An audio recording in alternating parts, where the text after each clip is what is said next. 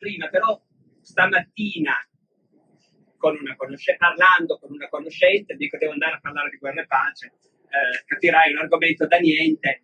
E questa amica mi dice, vai, guerra e pace, certo, sì, sì, a suo tempo l'ho letto, l'ho letto, non l'ho letto proprio tutto. Eh, la parte della pace l'ho letta tutta. Le parti della guerra ogni tanto saltavo. E devo dire che non è la prima lettrice che mi dice questo. Allora, la scommessa è di provare a far vedere che anche la parte della guerra merita in realtà di essere letta eh, e, e, di vedere perché questo. Allora, io comincerei col dire questo. Guerra e pace è un romanzo storico, naturalmente. Ora noi, vabbè, certo, è un romanzo ambientato nell'Ottocento, e noi possiamo avere una tendenza a pensarlo come un romanzo storico già solo perché racconta un'epoca, costumi, una società diversi dai nostri, ma in realtà è un romanzo storico per Tolstoi nel momento in cui scrive. Tolstoi scrive negli anni 60, lui è nato nel 1828, non ha 40 anni quando finisce Guerra e Pace, ma comunque lasciamo stare, eh, e racconta avvenimenti scaglionati fra il 1805 e il 1812 fondamentalmente, tra la battaglia di Austerlitz e la battaglia di Borodino, se vogliamo fare riferimento alla parte della guerra, racconta cose che sono successe 50 anni prima dell'epoca in cui lui sta scrivendo, ben prima della sua nascita. In questo senso è un romanzo storico e come in tutti questi casi noi dobbiamo chiederci, ma lui cosa fa? Sta, è consapevole che sta raccontando un'epoca diversa dalla sua? Perché capite? Forse sto insistendo troppo su questo, ma secondo me noi da lettori più o meno ingenui di questo scarto non siamo avvertiti.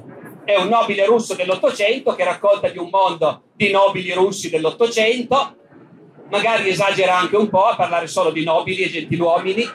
Era Dostoevsky che, se non ricordo male, da qualche parte disse: Il conte Tolstoi non sa scrivere d'altro che di nobili giovanotti, figli di signori eleganti che vanno al club. Eh, ecco, mentre lui, Dostoevsky, ovviamente indagava in settori della società un pochino più oscuri, no? E quindi a noi potrebbe sembrare che appunto il conte Tolstoi stia raccontando il suo mondo. Sì, ma fino a un certo punto. In realtà sta raccontando il mondo dei suoi nonni. E ne è talmente consapevole che lo dice nella prima pagina del romanzo.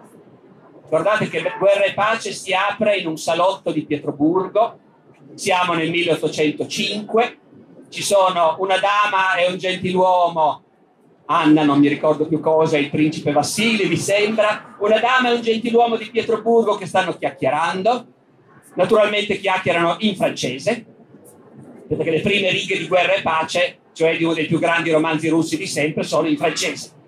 Eh bien, mon prince, Gênes et Luc, Genova e Lucca ne sont plus que des apanages della famiglia Bonaparte.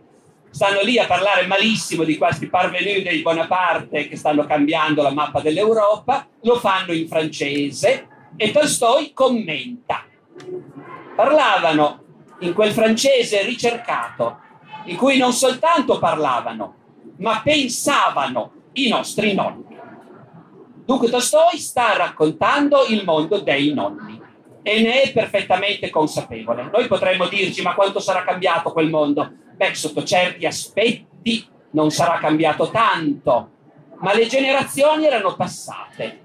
E Tolstoi è uno che era consapevole delle differenze fra le generazioni. Ci ha dedicato addirittura un racconto, se l'avete presente, Due Ussari, pubblicato da Inaudi nella collana 100 pagine tanti anni fa Due Ussari è la storia appunto di due Ussari, cioè due ufficiali di cavalleria, padre e figlio, che si trovano più o meno nella stessa cittadina di provincia e si trovano ad avere lo stesso tipo di avventure, innamorarsi di una della figlia del nobile del posto, eccetera, corteggiarla e così via. Ma uno nel 1828, il padre, e l'altro il figlio vent'anni dopo, nel 1848. Il figlio appartiene alla generazione che ha schiacciato la rivolta polacca e così via, appartiene a una generazione diversa, con valori, idee, entusiasmi, generosità molto diversi da quelli del padre che era invece ancora della generazione napoleonica. Quindi Tolstoi di queste cose è consapevole. E lui racconta un mondo che non c'è più in gran parte. Quel mondo dell'inizio dell'Ottocento in cui c'erano ancora gentiluomini che si ricordavano di Caterina, di Elisabetta, delle grandi zarine settecentesche e anche i giovani che invece affrontavano i problemi del loro tempo. Allora, questa lunga prefazione per dire che noi siamo di fronte a un romanzo storico dove però Tolstoi ha anche riversato in parte le sue esperienze dirette personali. E l'ambito in cui le ha riversate di più è proprio l'ambito della guerra. Perché Tolstoi la guerra l'ha fatta naturalmente. Tolstoi è stato ufficiale di artiglieria all'assedio di Sebastopoli. Ha fatto la guerra di Crimea. E la guerra di Crimea negli anni 50 dell'Ottocento è l'ultima guerra che è stata combattuta con i mezzi, con le armi, con le divise, con le tecniche dell'epoca napoleonica. Era cambiato molto poco tra l'epoca di Napoleone e la guerra di Crimea. La guerra di Crimea è l'ultima guerra che viene combattuta da reparti in divise sgargianti che manovrano in massa, in linea, in colonna, in quadrato, allo scoperto, è l'ultima guerra combattuta da una fanteria armata di moschetti ad avancarica che tirano al massimo a 100 metri di distanza e che ci vuole un sacco di tempo per ricaricare. È l'ultima guerra in cui ci sono grandi cariche di cavalleria con la sciabola sguainata, l'elmo in testa, come nelle guerre napoleoniche. È l'ultima guerra in cui i cannoni sparano, sparano già un chilometro, ma già al tempo di Napoleone sparavano un chilometro, ma sparano palle di metallo, non granate che scoppiano parentesi, in qualunque film voi guardiate nelle battaglie napoleoniche come in quelle della guerra di Crimea, quando sparano i cannoni scoppiano le granate. Eh, è tutto impossibile eh, come dire, far accettare agli sceneggiatori, ai registi e forse anche riprodurre in realtà quello che erano i cannoni che Tolstoi conosceva, che ha sparato personalmente ordinando il fuoco contro la fanteria inglese o francese o magari anche piemontese, sarda, sotto le mura di Sebastopoli, quei cannoni che sparavano una palla di metallo che andava avanti così lenta che se avevi l'occhio buono te la vedevi arrivare incontro. E, e che quando arrivava non esplodeva, ma semplicemente prendeva uno a caso, lo sfondava, prendeva quello dietro, poi quello dietro ancora, all'ultimo sfondava le ginocchia e poi si fermava ai piedi del quinto. Ecco, eh, funzionava così fondamentalmente. Nei film non l'avete mai visto, ma funzionava così. Allora, questa guerra, eh, Napoleone, oddio, Tolstoi l'ha vista e ha imparato tante cose su cos'è la guerra, su cosa sono gli eserciti, su cosa sono i soldati russi e gli ufficiali russi. Ha imparato tante cose su come si raccontano le guerre, su come si deve provare a capire quello che succede in guerra. La risposta naturalmente è è inutile provare a capire cosa succede in guerra e tutti quelli che dicono invece di averlo capito mentono. E allora, le parti di guerra, di guerra e pace, sono una ricostruzione straordinariamente ricca, ma non solo sia chiaro dal punto di vista tecnologico, materiale, ma dal punto di vista mentale di quello che voleva dire trovarsi a fare la guerra, trovarsi a combattere in quell'epoca, nell'epoca di Napoleone, che da quel punto di vista è ancora quella del giovane Tolstoi. Cosa vuol dire?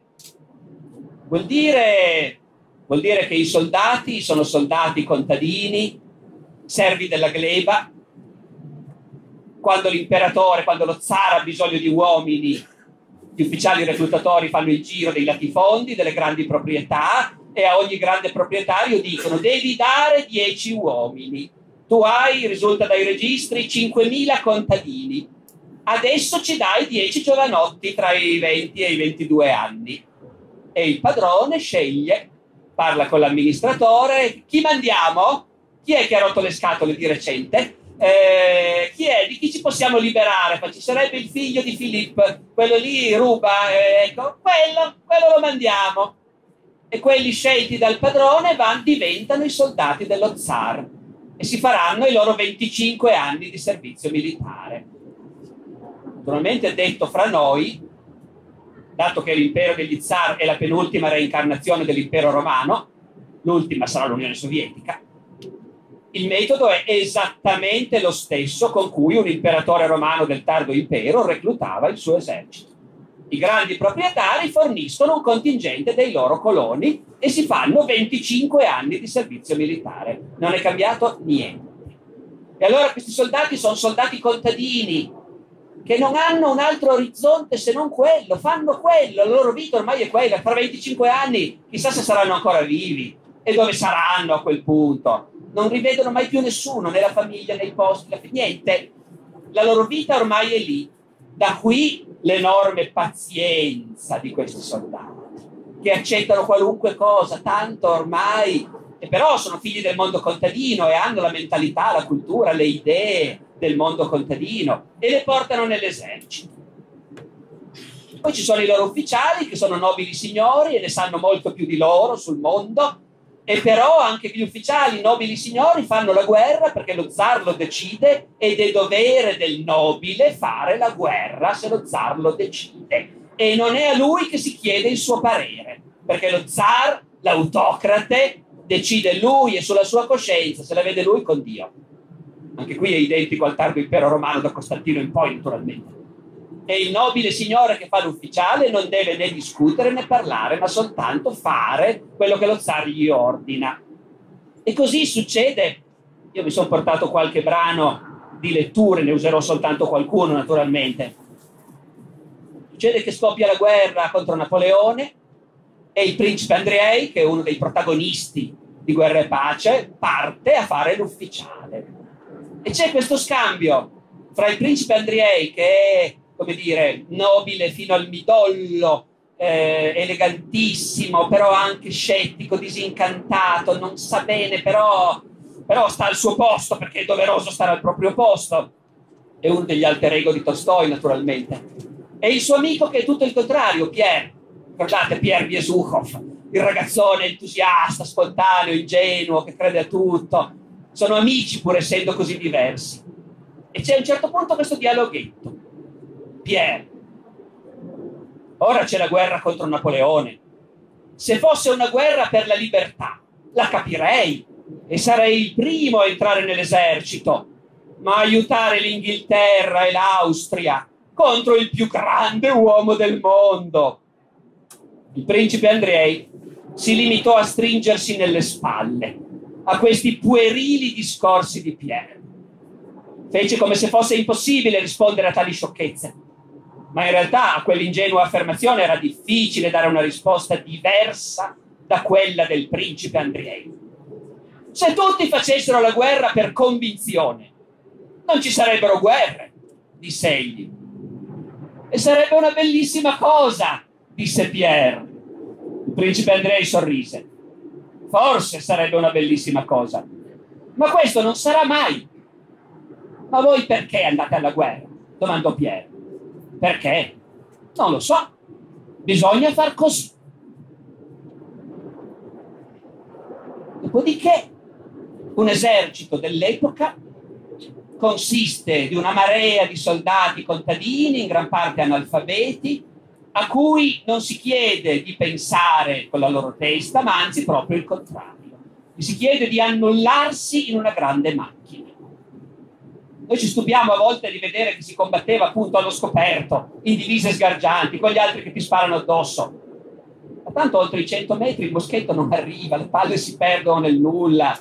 Eh, prima che muoia davvero qualcuno ci vuole un po', poi le battaglie durano 10 ore e quindi alla lunga di morti ce ne sono tanti, ma è uno stillicidio. È facile insegnare ai soldati che il loro dovere è di stare lì fermi e basta, e non pensare stare lì fermi e basta come tutti gli altri.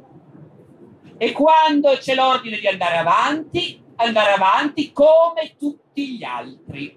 Dietro ci sono i tamburi che rullano e che riempiono le orecchie e ti aiutano a non pensare e a andare avanti. Ci sono le bandiere che sventolano, ci sono gli ufficiali con la sciabola sguainata davanti a tutti che rischiano più degli altri perché loro sono nobili signori e, e devono meritarselo, lo stipendio e, e la truppa va avanti, tutti insieme, tutti allo stesso passo. Guai se, uno, se ognuno fosse arbitro di decidere a che velocità andare, ma nemmeno per idea. Tutti devono andare avanti allo stesso passo e i teorici militari discutono. Dopo lunghi esperimenti abbiamo deciso che l'ideale è fare 76 passi al minuto. E si va avanti con i tamburi dietro, boom, boom, boom, boom, e si va avanti, tutti vestiti uguali, identici. Ogni tanto uno cade, ma solo ogni tanto. È facile insegnare, e se qualcuno non lo vuole capire glielo insegna a bastonate, che quando il compagno è caduto tu stringi i ranghi e vai avanti. E in questo modo un esercito risponde agli ordini dei suoi comandanti. È una, come dire, è una illusione settecentesca, come vede Tolstoi la racconta benissimo. È l'illusione di poter mettere ordine in quel caos che è la guerra e di poter fare in modo che la guerra, che è assolutamente caos totale, disordine, paura, diventi una cosa ordinata e controllata. E appunto le divise tutte uguali, il suono del tamburo, gli ordini stereotipati, servono precisamente a quello, a fare in modo che gli uomini si dimentichino di essere degli individui e diventino parte di un ingranaggio. Il soldato in marcia è circondato, stretto e trascinato dal suo reggimento come il marinaio dalla nave sulla quale si trova.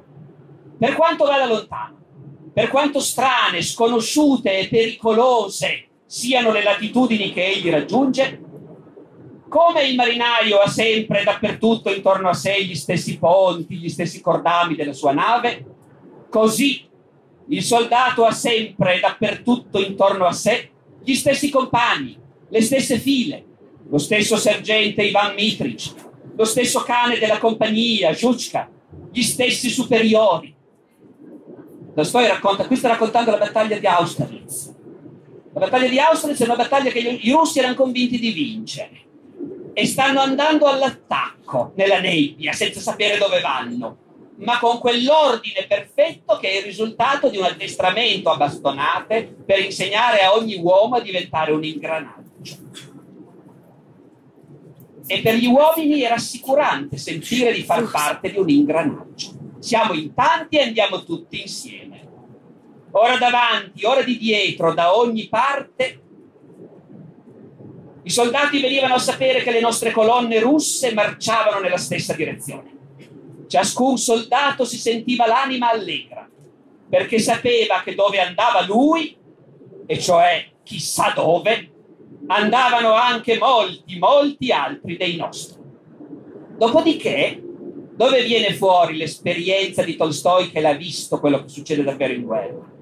Viene fuori in questo, che la sconfitta comincia a delinearsi nel momento in cui quell'ingranaggio perfetto comincia a trovare dei granellini di sabbia che lo fanno inciampare. Nel momento in cui ci sono dei ritardi inaspettati, nel momento in cui siamo rimasti senza ordini, nel momento in cui si capisce che anche i comandanti sono perplessi e spaventati e non sanno più bene cosa comandare.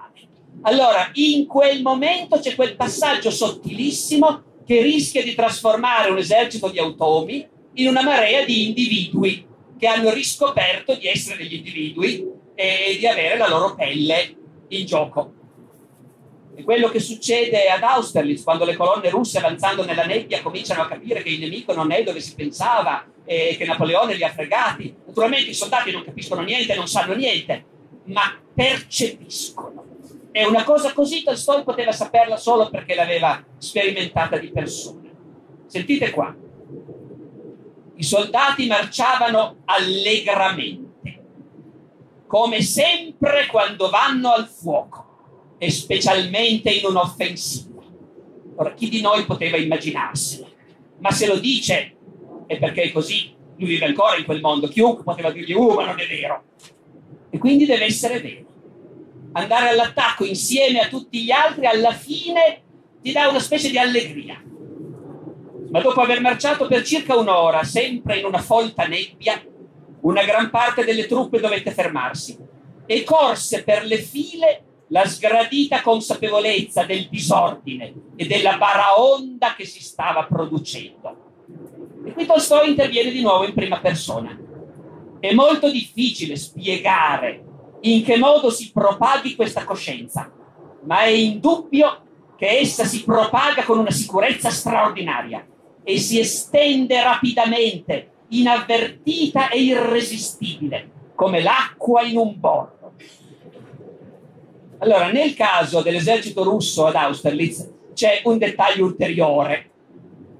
Potrebbe sembrare un dettaglio marginale, ma io ve lo dico lo stesso perché fa parte del mondo di Tolstoi. Tolstoi è un russo in un'epoca in cui l'impero russo soffre di un complesso di inferiorità. È una grande potenza che ha domato tutta l'Europa e le cui truppe hanno marciato a piedi fino a Parigi, però è un paese arretrato che sa di essere guardato dagli occidentali come un paese mezzo asiatico. E, e per rimediare a questa inferiorità la Russia è piena di tedeschi è piena di ufficiali, di ingegneri, di tecnici tedeschi che ricevono onori e stipendi perché gli zar li cercano. Anche l'esercito russo è pieno di ufficiali tedeschi. E questi tedeschi i russi non li sopportano. E ad Austerlitz è ancora peggio, ci sono gli austriaci, sono alleati con gli austriaci, il piano di battaglia l'hanno fatto gli austriaci. Perciò non appena fra la truppa russa si diffonde la sensazione che qualcosa non va, l'immediata reazione del soldato russo è di dire ecco i tedeschi. Tanta fretta di mettersi in marcia e stiamo qui fermi in mezzo alla campagna senza motivo. Sempre quei maledetti tedeschi a far confusione. Diavoli di balordi. Eh, maledetti tedeschi, non conoscono neppure il loro paese. Poi passò un generale e gridò qualcosa rabbiosamente, ma non in russo Da fala fa barà, che cosa brontola? Non se ne capisce nulla, disse un soldato, rifacendo il verso al generale che si era allontanato. Io li fucilerei quei vigliacchi. Dopodiché, dopodiché il disordine il caos crescono, il marasma cresce, ma questi uomini sono inquadrati da ufficiali, da sergenti, che con le sciabole appiattonate col bastone li tengono in ordine e, e la disciplina che hanno imparato è forte, fortissima, per cui fino all'ultimo stanno tutti insieme. Tolstoi sa che a un certo punto, quando le cose vanno male, si rompe qualcosa. Si rompe qualcosa non perché ci sono stati troppi morti, non è quello. Magari non è morto nessuno, ma si rompe qualcosa nella testa dei soldati. E quando si rompe qualcosa, si rompe collettivamente, l'intera macchina si sfascia. È quello che succede ad Austerlitz quando i soldati russi, già inquieti e con la sensazione che le cose non vadano bene, vengono improvvisamente attaccati da una direzione che non si aspettava. I reggimenti di fanteria attaccati improvvisamente nella foresta scappavano via di là e le compagnie, confondendosi le une con le altre, si allontanavano in folla disordinata. Un soldato pronunciò nel suo spavento una parola insensata che in guerra è terribile. Ci hanno tagliati fuori! E questa parola, insieme con un sentimento di paura, si comunicò a tutta la massa.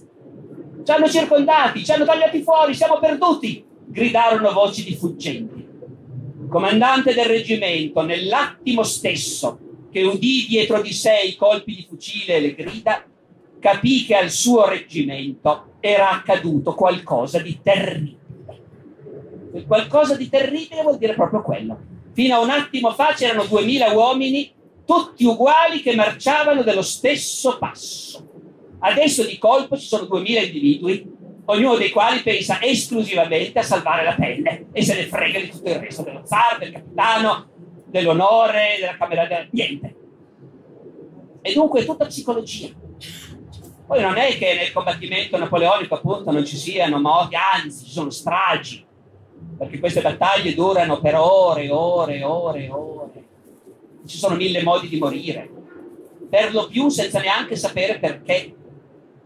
La storia ve lo diceva un ufficiale di artiglieria. I cannoni all'epoca sparano appunto da un chilometro di distanza, che vuol dire che tu se c'è pianura e non c'è nebbia li vedi, se sei piazzato lì e il nemico sta venendo avanti e poi pian piano prende posizione, questi eserciti ci mettono ore per schierarsi, arrivano marciando in colonna lungo la strada, poi via via scendono dalla strada e i reparti si schierano in linea sono tutti ordini che hanno imparato a memoria, gli ufficiali sparano gli ordini in fretta, i sergenti mostrano la via col bastone e i soldati di corsa trovano ognuno il suo posto, perché è una geometria.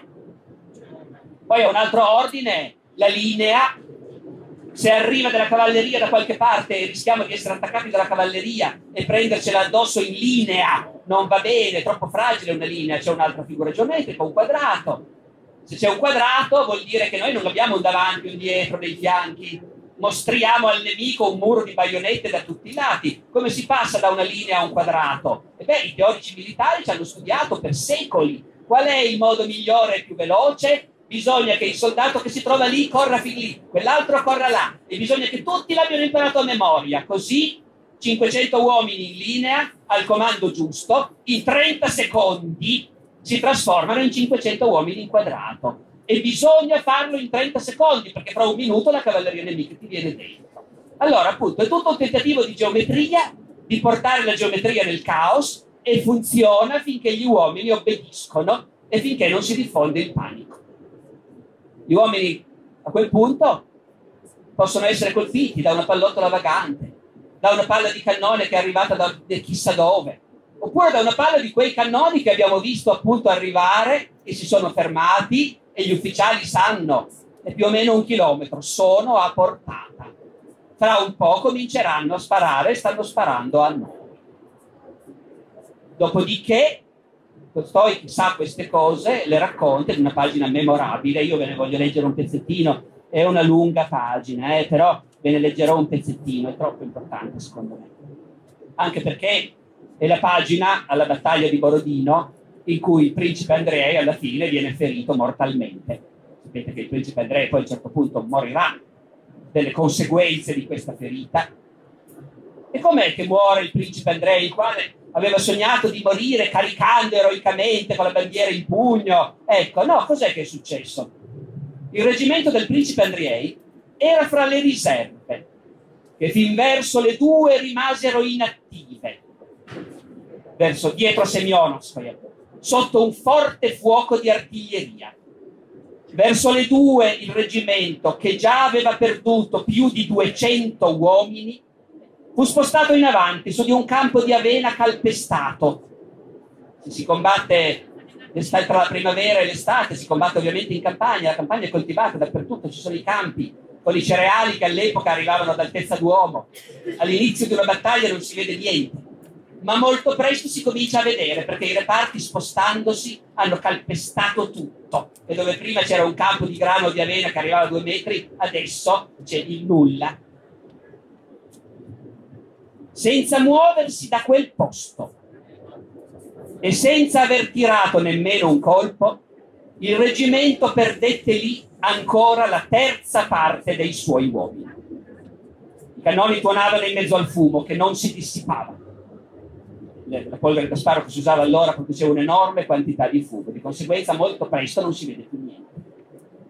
E da quella misteriosa zona di fumo che copriva tutto il terreno antistante volavano senza posa le palle con un rapido fischio e le granate con un lento sibilo. In realtà le granate c'erano già, ma erano una minoranza, solo certi pezzi le potevano sparare.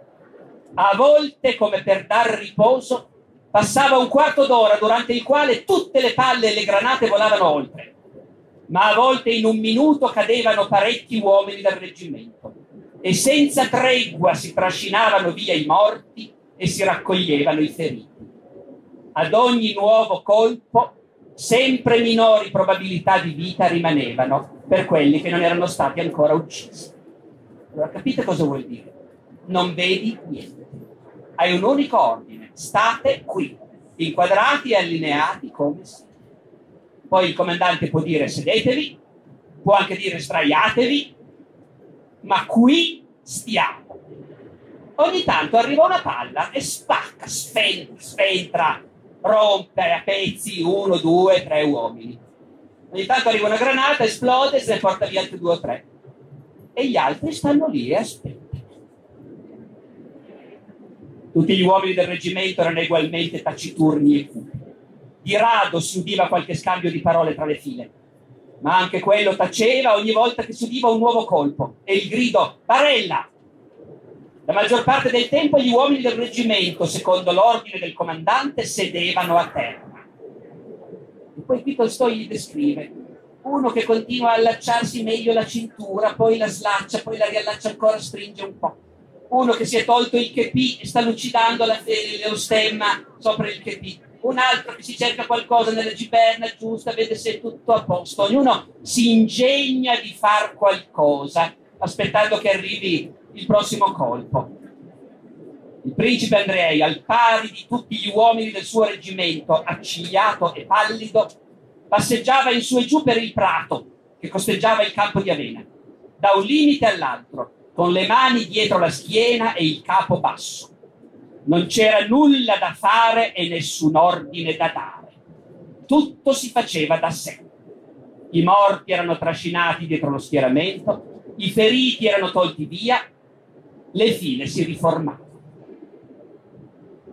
Allora Tolstoi alla guerra ha imparato queste cose e poi ne ha imparato anche altre. Ha imparato cosa vuol dire comandare, cosa sono i generali, cosa sono i bravi generali, i grandi generali. E ha imparato a essere estremamente scettico su tutto questo e a non credere a niente. Anche qui c'è uno scambio di idee a un certo punto fra Pierre e il principe Andrei, in cui Pierre, con il suo solito entusiasmo, dice che al comando dell'esercito c'è un generale molto abile. Il principe Andrei si mette a ridere un generale molto abile, ma capisco cosa vuol dire. Pierre, che è il solito ingenuo, ci rimane malissimo. Ma sì, un generale abile, uno, uno che, sa, che sa prevedere le azioni del nemico. Ma questo è impossibile, disse il principe Andrei, con un tono tale da mettere fine alla discussione. Il principe Andrei ha osservato, il principe Andrei è Tolstoi naturalmente, eh? è uno degli alter ego di Tolstoi e nelle pagine di combattimento è lui a tutti gli effetti. Tolstoi ha visto ha visto che i generali capiscono poco di quello che succede, la guerra è un caos. Dopo nei rapporti gli storici descriveranno le decisioni prese dai generali. Tolstoi non ci crede neanche un po'. Non dico che abbia ragione al 100%, eh. la posizione di Tolstoi secondo me è perfino una forzatura, ma quella è la sua posizione. In guerra tutto quello che succede succede per i movimenti delle masse, per il panico che si padronisce delle truppe, per l'entusiasmo di un reparto che si butta all'attacco. Non puoi prevedere niente, non capisci niente di quello che succede. Il bravo generale è quello che sa rassicurare, è quello che dà l'impressione che è tutto sotto controllo, che era tutto bene e quelli che vengono da lui preoccupatissimi poi tornano ai reparti rincuorati. Questo è quello che deve fare un bravo generale, dice Tolstoi, dice il principe Andrea a un certo punto. E anche se è uno stupido, non importa, non guasta affatto essere uno stupido. L'importante è appunto saper trasmettere questo senso di sicurezza. L'idolo di Tolstoi, naturalmente, è il maresciallo Kutuzov, comandante dell'esercito russo, il quale maresciallo Kutuzov, durante le discussioni di Stato Maggiore, dorme perché tanto sa benissimo che non ha nessuna importanza che tutte queste chiacchiere. E durante la campagna di Austerlitz ci sono gli alleati, gli austriaci, i quali invece sono i teorici della guerra, sono quelli che fanno i piani complessi e articolati. C'è questa scena meravigliosa che non vi leggo, vi riassumo, appunto, alla vigilia di Austerlitz, riunione di Stato Maggiore. Gli austriaci hanno portato il piano di battaglia e cominciano a leggerlo in tedesco eh, Kutuzov dorme e Tolstoi sadicamente riporta tutto il piano di battaglia in tedesco.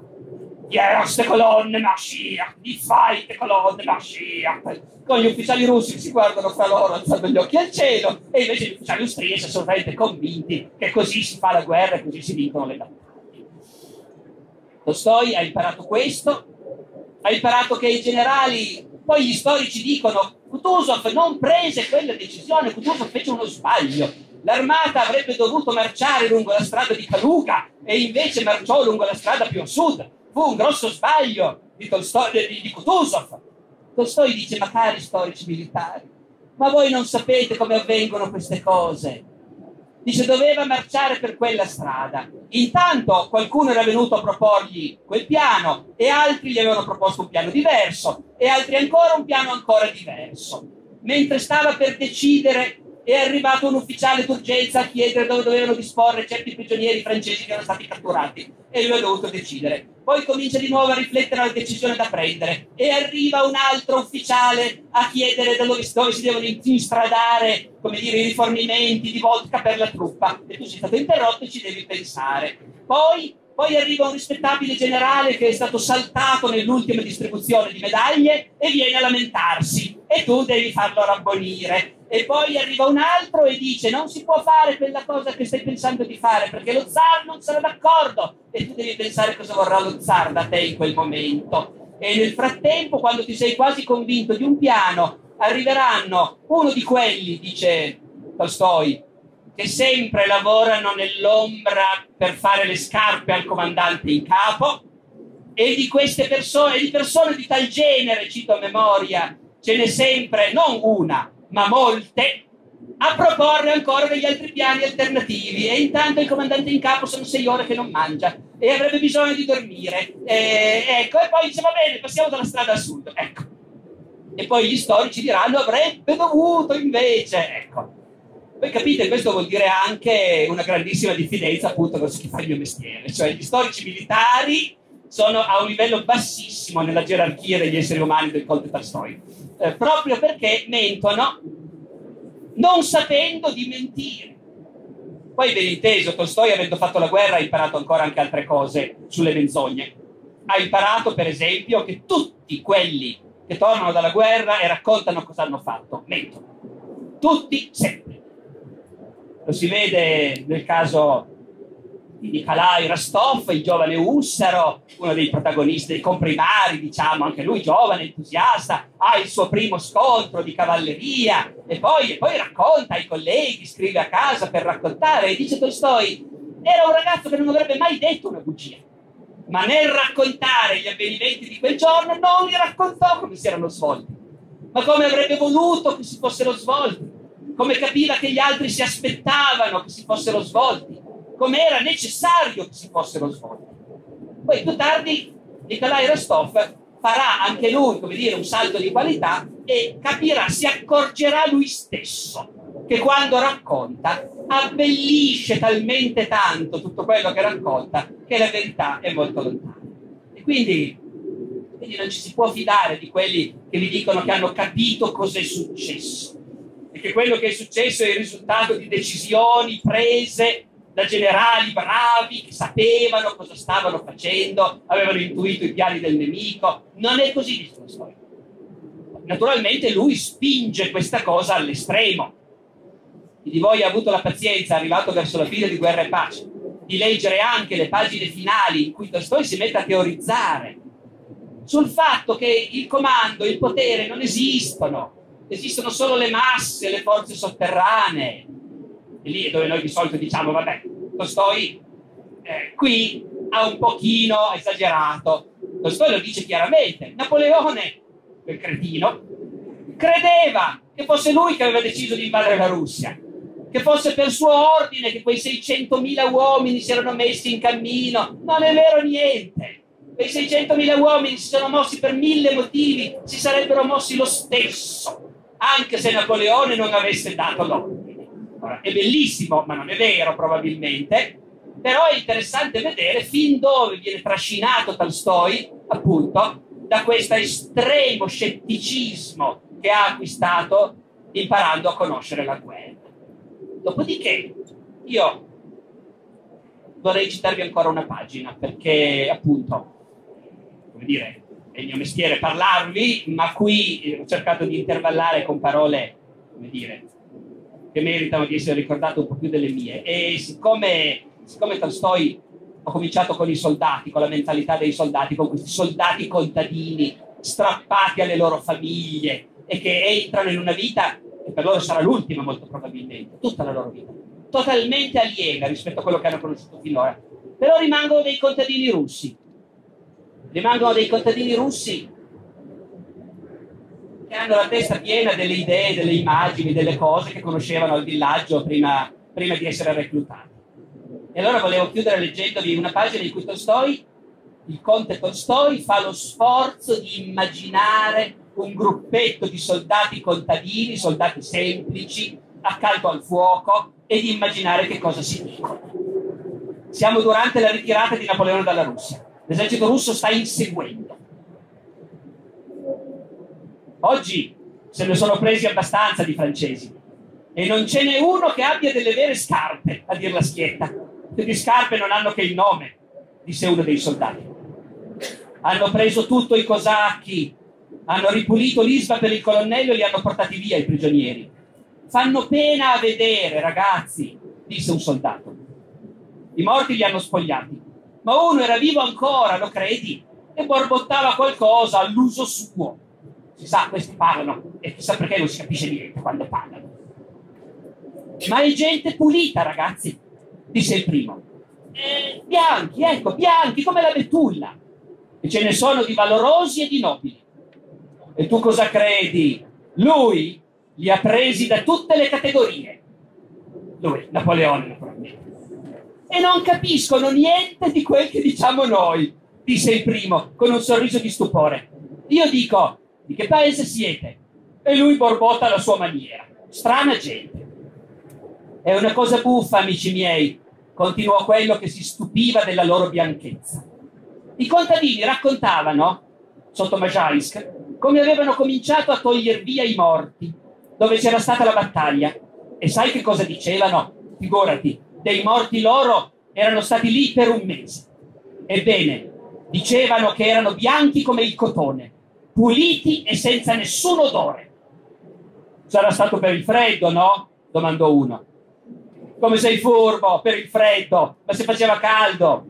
Se fosse stato per il freddo, anche i nostri non si sarebbero guastati. E invece ti avvicinavi ai nostri e dicono che erano pieni di vermi. Tanto che, dicono, ci si tappava il naso col fazzoletto e si portavano via voltando il muso dall'altra parte.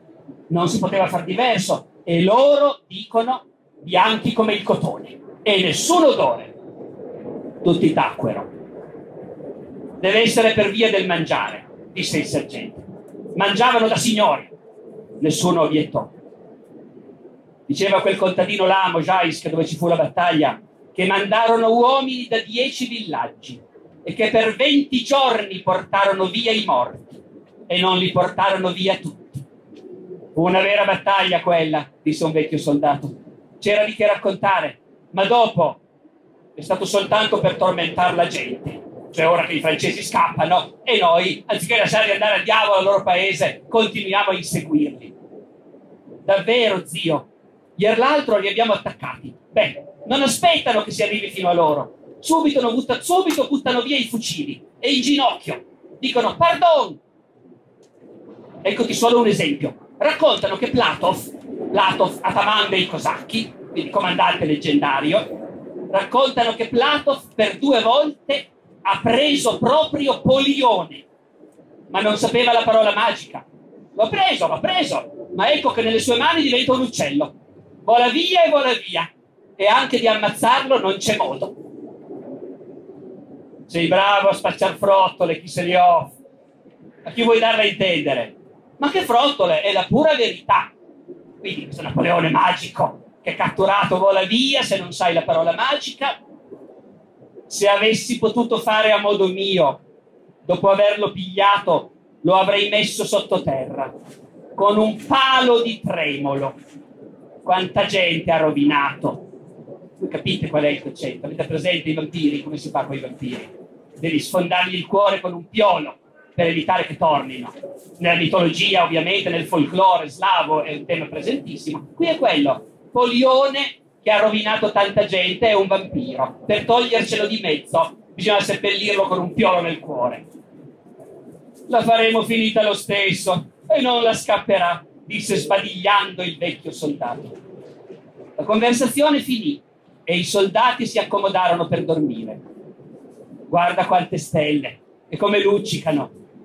Sembra che le donne abbiano, la, abbiano steso la biancheria ad asciugare, disse un soldato, ammirando la via lattea. Vuol dire, ragazzi, che l'annata sarà buona. Grazie.